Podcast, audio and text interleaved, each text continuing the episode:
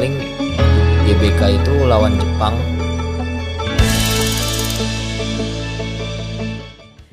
Halo, balik lagi bersama gue Suci Patia dalam acara Intermuse Interview by Muse. Dan sekarang nih gue nggak sendirian, gue ditemenin sama kayaknya idola para perempuan-perempuan remaja. Kenapa? Karena dia ini eh, bagian dari Timnas Indonesia. Nah, di sini udah ada Syahrian Abimanyu. Hello. Apa kabar? baik baik alhamdulillah Oke, Syahrian Abimanyu nih. Kalau gue enaknya manggilnya apa nih? Syah? Bi? Atau apa? Abi.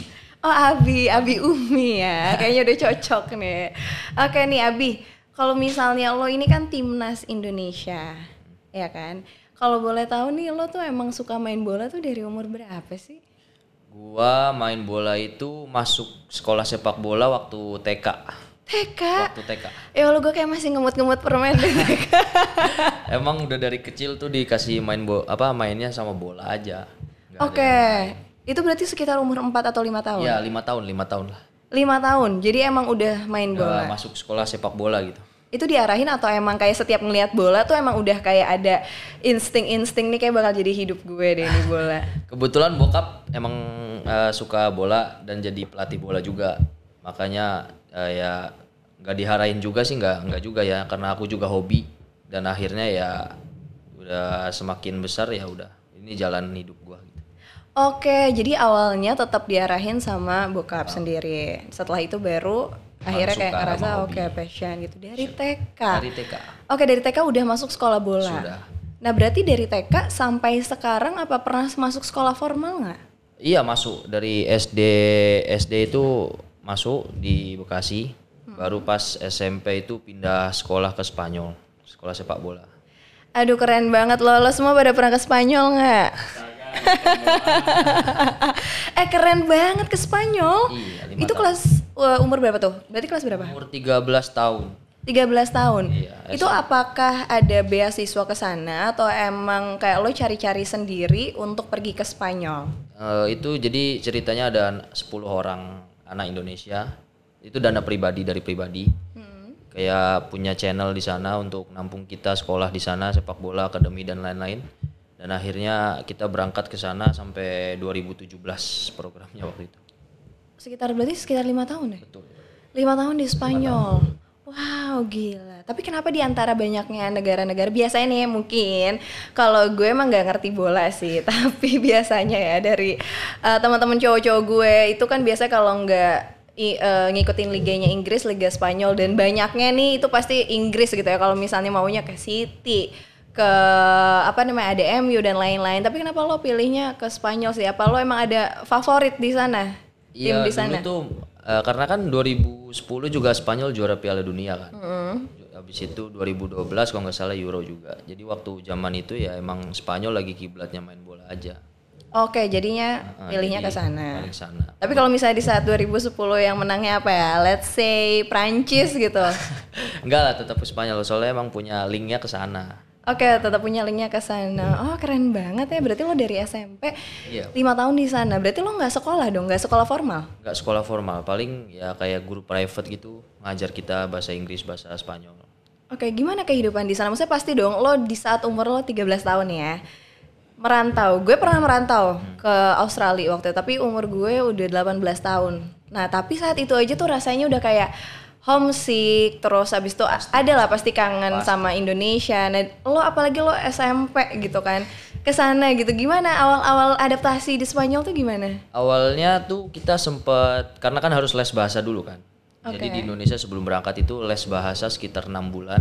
Oke. Baru pas kenaikan kelas 2 SMP berangkat ke sana. Ya awalnya sih memang berat, berat apalagi di sana kan kulturnya sangat beda banget sama di Indonesia. Dari segi cuaca, segi makanan. Ya untungnya waktu itu ya bersepuluh gitu loh. Jadi masih bisa bercanda-bercanda. Paling ya kalau kangen Indonesia ya bawa-bawa makanan dari Indonesia ya saus dan lain-lain. Orang tua ikut nggak saat itu? Orang tua nggak ikut. Oh, Paling bener-bener dilepas ada pay visit aja sih sebulan atau seminggu gitu. Oh, berarti benar-benar dilepas tuh 10 anak dari Indonesia ke Spanyol main bola. Betul. Berarti jadi guru private aja datang. guru private waktu itu berangkat berangkat waktu ada apa temannya bokap juga orang Inggris dan punya teman juga di Spanyol akhirnya ya kita stay di sana Oke, berapa lama? eh, maksudnya kayak di guru private ini sekolah itu setiap hari. iya setiap hari Itu pelajaran apa aja tuh kalau boleh tahu kan main bola nih. Apakah belajar kayak kalau di kita tuh ada PLBJ, PLBJ, nggak ada PPKN. kita tuh jadi rutinitas kita bangun pagi kan sarapan latihan habis latihan baru kita sekolah itu sekitar 2-3 jam lah. Bahasa Inggris sama bahasa Spanyol dituntutnya karena buat bahasa di sana kan. Habis itu pulang pulang ke apartemen siangnya makan siang tidur sorenya main bola lagi. Jadi lebih banyak ke bolanya daripada sekolah. Gitu terus selama lima tahun. iya. Bosan gak sih? Itu kan hal yang monoton yang dilakukan terus menerus bertahun-tahun bangun pagi udah di schedulein nggak ada oke lah m- mungkin ada mainnya ya tapi kan tet- tetap eh, kalau atlet itu kan kayaknya fokusnya memang di situ bosan gak sih Jujur kalau pribadi sih ya enggak karena passion aja. Kalau udah passion ya mau gimana pun kita udah seneng ya nggak bakal bosen sih. Oke, tapi ngomong-ngomong bahasa Spanyol, bisa nggak nih kenalin diri? Tapi pakai bahasa Spanyol gitu di sini. Oh, boleh. boleh boleh. Gue kayak apa sih kayak apa sih kalau bahasa Spanyol coba deh. Misalnya kayak nama is gue. Gitu ya? Ah, ah, oke. Eh, hola, mi nombre es Abi. Oke, sama umur deh. Eh, tengo dieci, eh, tengo 21 años.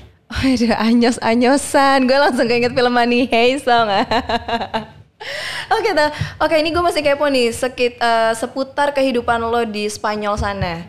Lo kan sekarang kan udah jadi timnas Indonesia, ya kan? Sekarang udah bagian dari Madura United, Betul. benar nggak sih? Betul kan ya? Dan lo juga pernah lima tahun di Spanyol. Ada perbedaan yang signifikan gak sih per- eh, latihan waktu lo di sana di Spanyol sama waktu lo di Indonesia? Oh pasti, eh, terutama di fasilitas. Kalau fasilitas di sana dari jenjang umur yang di umur-umuran 10 tahun sampai 18 tahun itu lengkap lapangan, semua fasilitas, makan semua diatur. Sedangkan di Indonesia ini masih ya let's say masih kurang lah, kurang seperti di Eropa. Oke, apa fasilitas-fasilitas yang di Indonesia tuh yang masih kurang? eh banyak sih lapangan, terus private gym di klub Oh, masih belum ada? Iya, masih jarang lah. Tapi sekarang udah udah oke lah di Indonesia. Eh, lapangan itu dan mungkin ya fasilitas-fasilitas kayak yang alat-alat yang lebih modern lah. Mungkin kita masih ketinggalan. Oke, terus kalau misalnya gue boleh tanya nih, walaupun sebenarnya ya jawabannya pasti akan cinta Indonesia ya, tapi gue pengen lo kayak jujur aja. Sebenarnya lo waktu latihan di sana dengan banyaknya fasilitas yang mendukung, sama di saat lo di Indonesia itu kan banyak kekurangan fasilitas. Nah, lo tuh lebih nyaman tuh latihan di mana? Latihan di Spanyol lah. Oh latihan di Spanyol ya, gue kira kan kayak cinta Indonesia. Iya, kalau Oh, iya, iya, iya. Tapi tetap ya latihan Tapi di sana ya. kalau di sana udah top level. Oke, kalau misalnya di sana kedisiplinannya nih dari segi tadi kan oke kita bahas segi fa- fasilitas ya. Ke- Kedisiplinannya juga sama atau beda sih di sana? Sedangkan kalau misalnya gue lihat ya, kalau misalnya atlet-atlet bola di luar sana itu tuh kayaknya strict banget gitu ya. Gue nggak tahu ya apakah di Indonesia uh, se-strict itu apa enggak gitu. Tapi gue kayak ngelihatnya yang bener-bener kayak gila gitu loh olahraganya. Iya, mereka disiplin, cuman mereka juga tahu aturannya mereka. Jadi misalkan kalau waktunya latihan, ya udah latihan serius. Kalau waktunya tanding, tanding serius. Di luar itu ya mau bercanda, mau ke mana pun bebas. Oke, tapi berarti polanya latihannya kurang lebih sama ya yang di Kalau Indonesia pola sama. Kalau sama pola di sama. Spanyol gitu. Nah kalau misalnya gue tuh selalu kepo deh ya, kalau misalnya atlet-atlet nih kayaknya bangun kita masih pada ngorok dia udah pada bangun. kalau kayak gitu tuh apa aja sih yang harus di, maksudnya kok kalian bisa maintain segitu sehatnya, ya kan? Eh, olahraga tuh sehari bisa berapa jam? Kalau pagi sore mungkin paginya satu jam, sorenya dua jam. Harus tuh pagi dan sore. Iya harus. Pagi Kenapa? Kenapa nggak nggak di- bisa dirapel aja gitu ya? Udah di paginya 4 jam, habis itu sorenya nggak usah latihan. nggak bisa karena masing-masing tubuh manusia kan beda-beda. Kalau Hmm. 4 jam itu pasti udah over over training nggak bagus juga buat otot kita juga. Oke, kalau soal pola makan nih, kayak kalau yang dari gue dengar-dengar nih, katanya tuh benar-benar kayak kalau atlet-atlet ya, eh, gizi tubuh nutrisinya tuh dihitung benar-benar, nggak boleh makan gorengan lah atau apa lah ya. Ntar Lagi tiba- rame tuh. Iya, iya, ntar Indomie lah nggak boleh atau apa bener gak sih kayak gitu? Iya iya, maksudnya ya semua orang semua orang tahu lah porsi mereka masing-masing. Kemarin kan kalau di Indonesia emang udah kulturnya seperti itu ya susah dirubah. Kalau di Europe kan pasta, steak, semua daging mereka kan udah terbiasa dari pak dari sejak kecil kan. Kalau di Indonesia mungkin terbiasa dengan kultur yang goreng-gorengan. Aha. Itu yang nggak bagus juga sih buat badan. Tapi benar-benar tuh itu be- eh, strict nggak boleh gitu makan kayak gitu. Paling Makanan ada cheating day sih. Biasanya setiap hari Minggu gitu. Oh cheating day setiap hari Minggu. Oh jadi boleh makan apa Boleh aja? makan apa aja. Kalau dia udah dijadwalin pagi apa-apa. Kalau misalnya dari Senin sampai Sabtu makanannya apaan dong? Di sana Eh, nggak di Kalau Indonesia di, di. Indonesia, di Indonesia ya kalau di Indonesia nggak nggak nggak dijadwalin sih. Kalau di di Indonesia nggak dijadwalin. Oh nggak dijadwalin. Jadi kita bisa iya, suka-suka yang makan dimasak apa ya aja. iya. Kalau di klub kan dimasakin ah. sama ada yang di itu ya udah makan yang di situ. Oke, gue kira tuh yang benar-benar kayak harus makannya kayak mashed potato, terus habis itu sayur-sayuran, bener-bener itu kayak di no timnas coklat. sekarang di timnas Oh, sekarang. oh iya. di timnas kayak gitu. Diatur di timnas sekarang. Oh jadi yang diatur tuh cuma di timnas aja. Kalau iya, misalnya di klub biasanya di? Indonesia di timnas enggak. Kalau di klub paling kesadaran diri masing-masing. Oke, berarti kalau oh berarti kalau misalnya di timnas baru ya? Iya, di timnas sekarang lagi strict makan. Udah berapa lama sekarang di timnas? Kalau sekarang lagi enggak karena fokusnya ke yang under 19 tahun untuk Piala Dunia 20 tahun depan. Oke, ada perbedaan yang signifikan gak sih di saat lo main bola di klub di Madura United, di saat eh, lo juga masuk di timnas senior gitu sekarang? Eh, perbedaannya pasti jauh lebih bangga kalau bela nama negara sih. Apalagi kan kalau di timnas semua orang dukung. Kalau di Madura ya kan paling banyak orang Madura aja. Oke, Lebih lebih bangga lah. kalau untuk masuk timnas gitu tuh ada sikut-sikutan gitu gak sih? Sikut-sikutan kayak apa tuh? ya kan kita kan nggak tahu ya. Biasanya kan di dalam suatu hal, entah itu di perusahaan, di Persaingan. pemerintahan gitu ya, di mana pun namanya persaingan itu selalu ada gitu. Nah, kalau misalnya di timnas ini sendiri tuh persaingannya sehat apa enggak sebenarnya? Persaingan persaingan sehat. Memang kan semua pelatih pun ya nggak inilah nggak tutup mata. Kalau emang kita bagus dan lebih kerja keras dibanding yang lain pasti kelihatan di lapangan performa dan lain-lain. Oke, jadi perpolitikannya nggak ada. Nggak ada sehat aja. Gitu. Sehat aja. Oke, selalu gue selalu kepo loh sama hal itu. Karena kan suka banyak ya kayak gosip-gosip tentang timnas Indonesia dan orang-orang di balik itu semua gitu. Jadi apakah nih kalau dari lo, lo kan udah di timnas nih.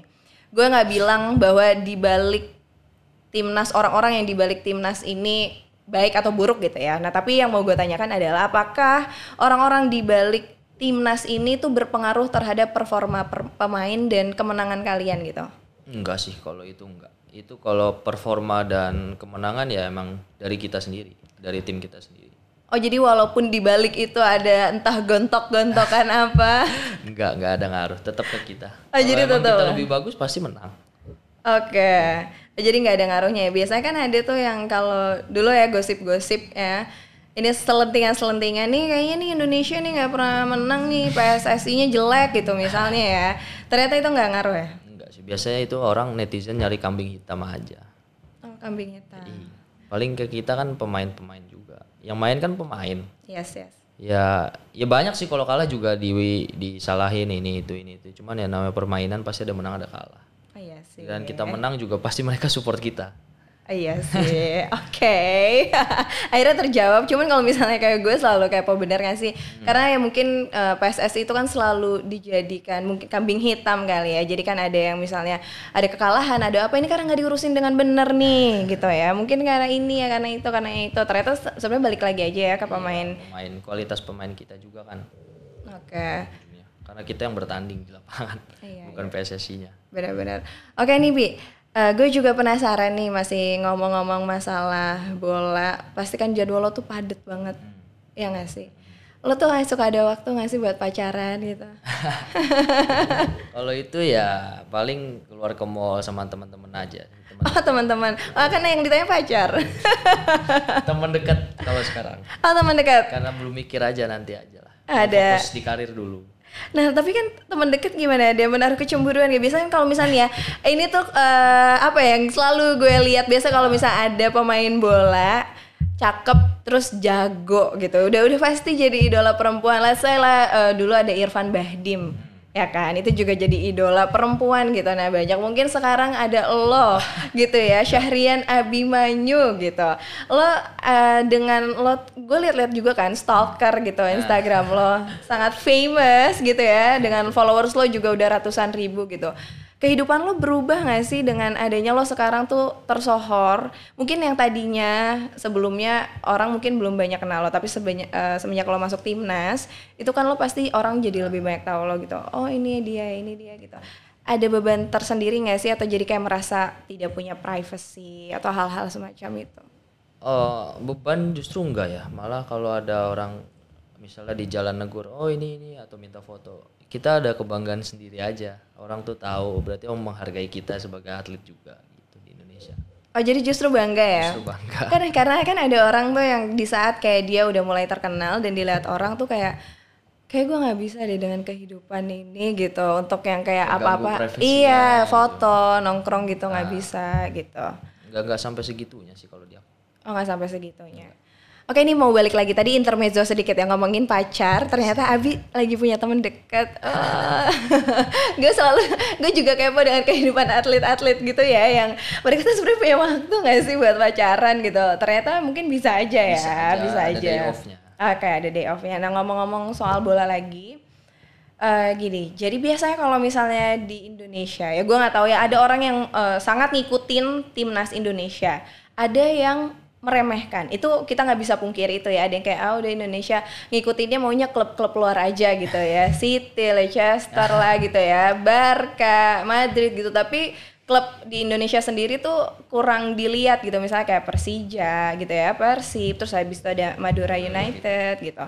Nah kira-kira menurut lo sendiri apa sih yang ngebuat nih orang-orang di Indonesia nih gitu yang males untuk ngikutin eh, perkembangan klub di negara sendiri Eh, apa ya? Mungkin ya karena di di luar itu kan lebih tertata rapi secara kompetisi dan mereka semua kayak di apa hampir ada di televisi hampir setiap malam juga. Terus mereka semua lapangan dari tadi fasilitas stadion semua dilihatnya juga enak. Sedangkan di sini sampai sekarang pun liga belum jalan kan.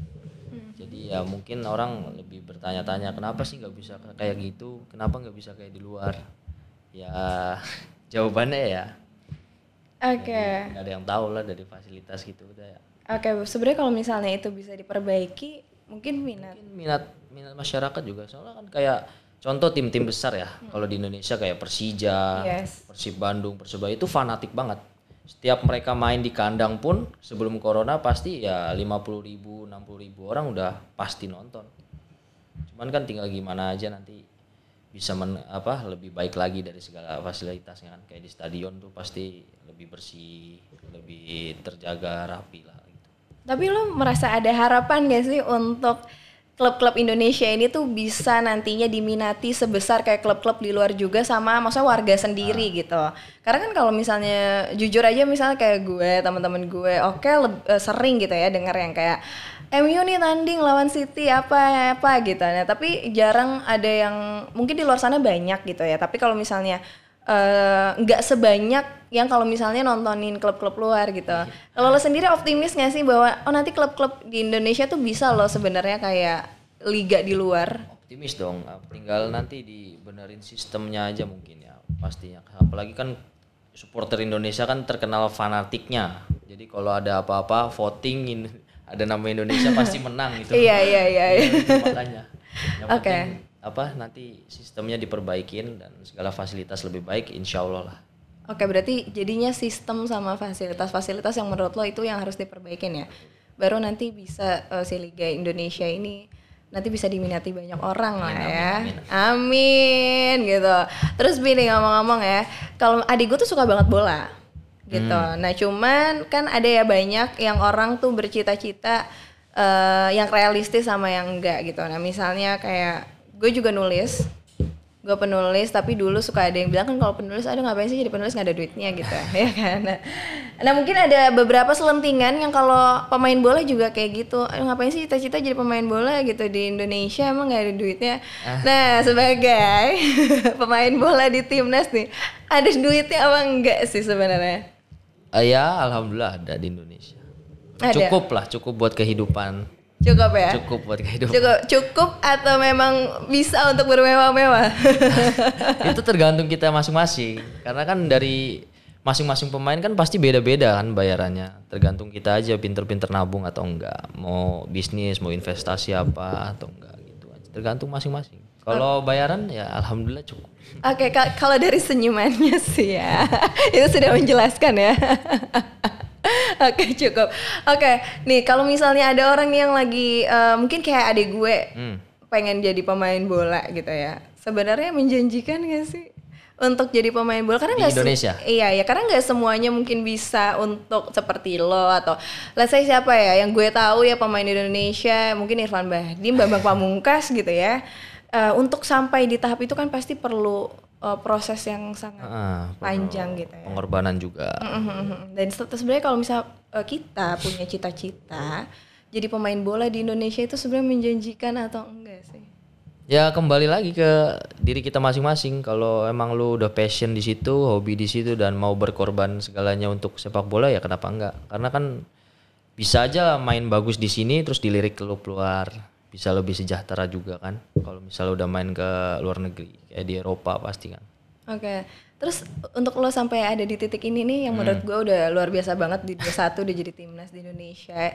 Itu kan prestasi banget. Usaha-usaha apa aja sih yang lo udah lakuin sejauh ini untuk bisa ada di sini gitu?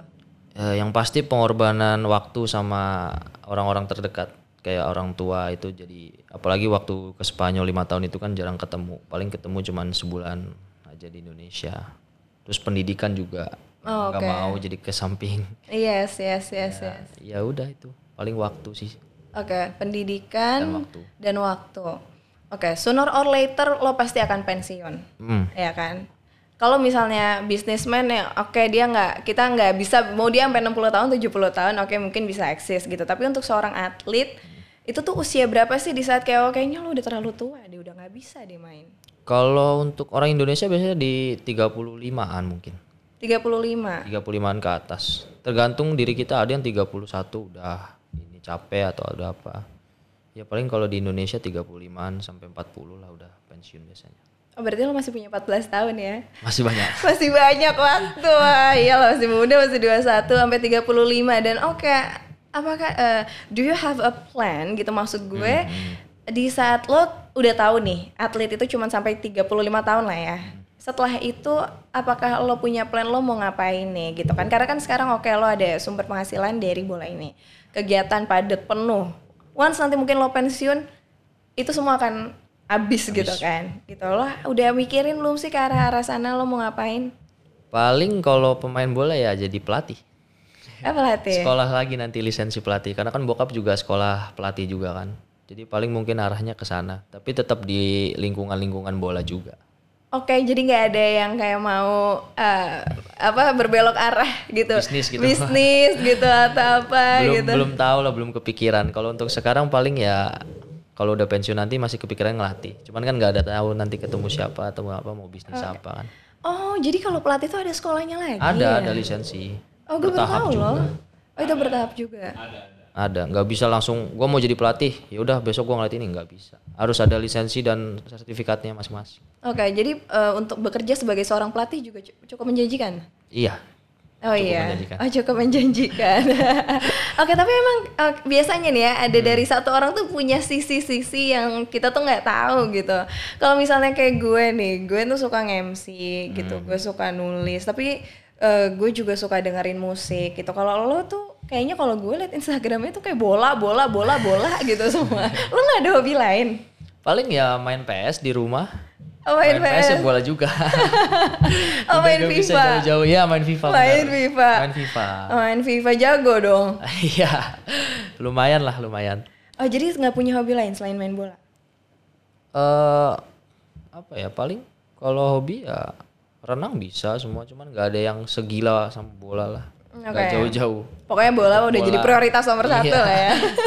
nggak ada hobi lah Nah terus di saat pandemi kayak gini kan pasti berkurang dong aktivitas. pasti Itu diisi sama waktu ngapain aja?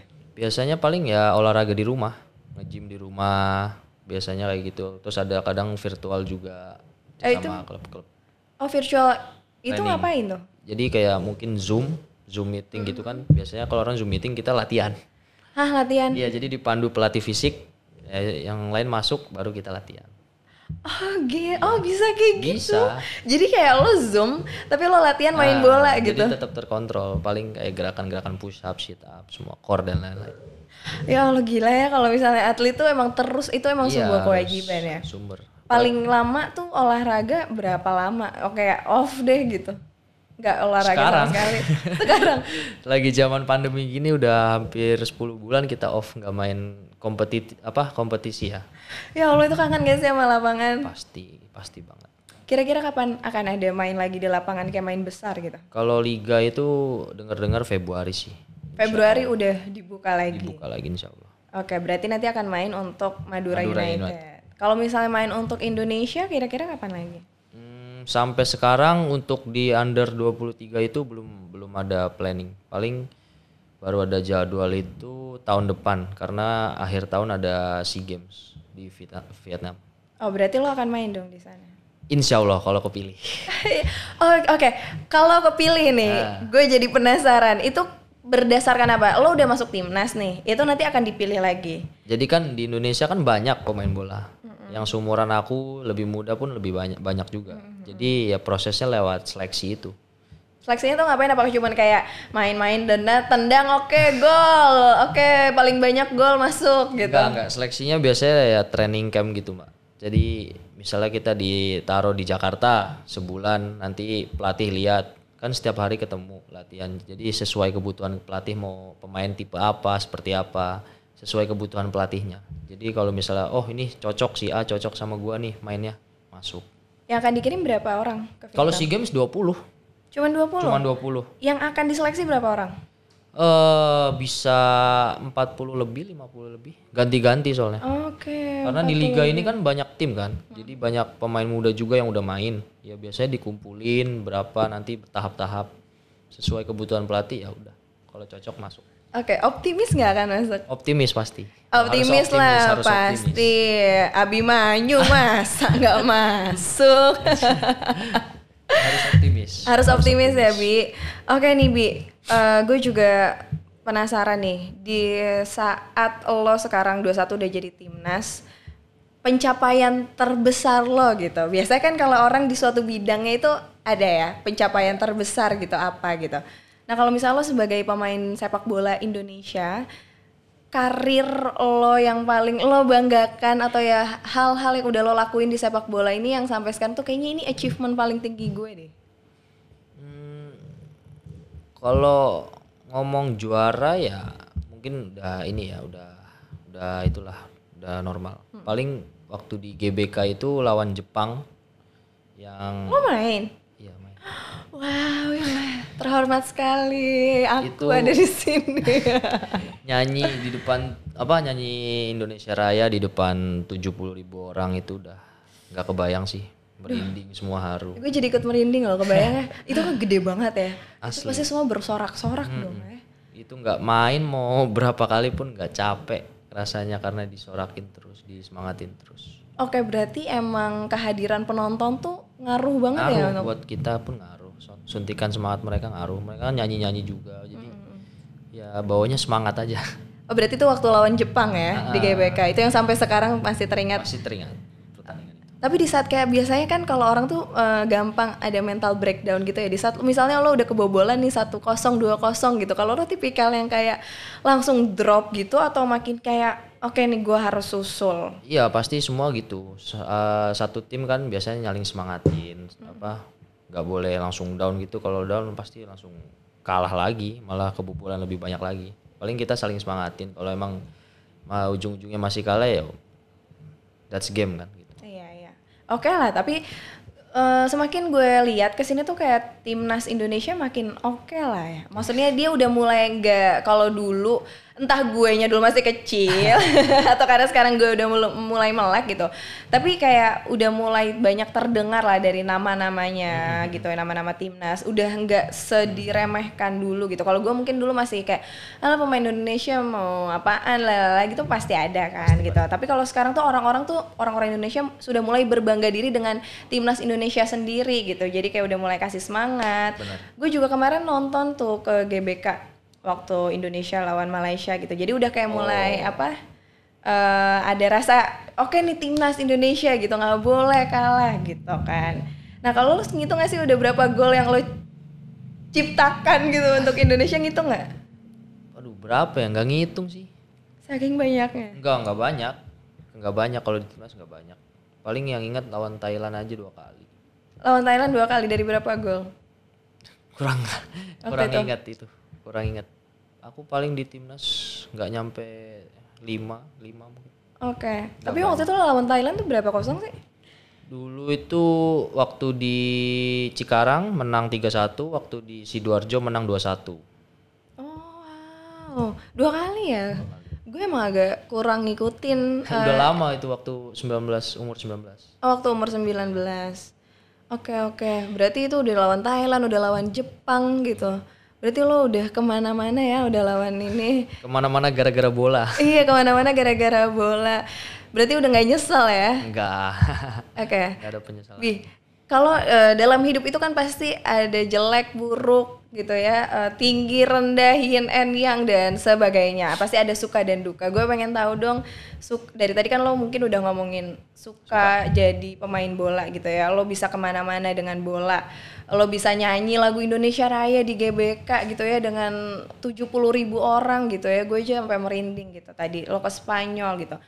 Tapi pasti gue yakin ada hal, sesuatu hal yang eh, duka mungkin bukan duka juga sih mungkin hal-hal yang kayak lo nggak nyaman atau hal-hal yang mungkin kayak ya bukan lo banget gitu sebagai pemain sepak bola tuh apa ya Kalau dari aku 2018 akhir itu aku sempat cedera dan yang harus apa yang lumayan berat haruskan operasi. oh ya kok bisa kenapa Waktu itu salah jatuh.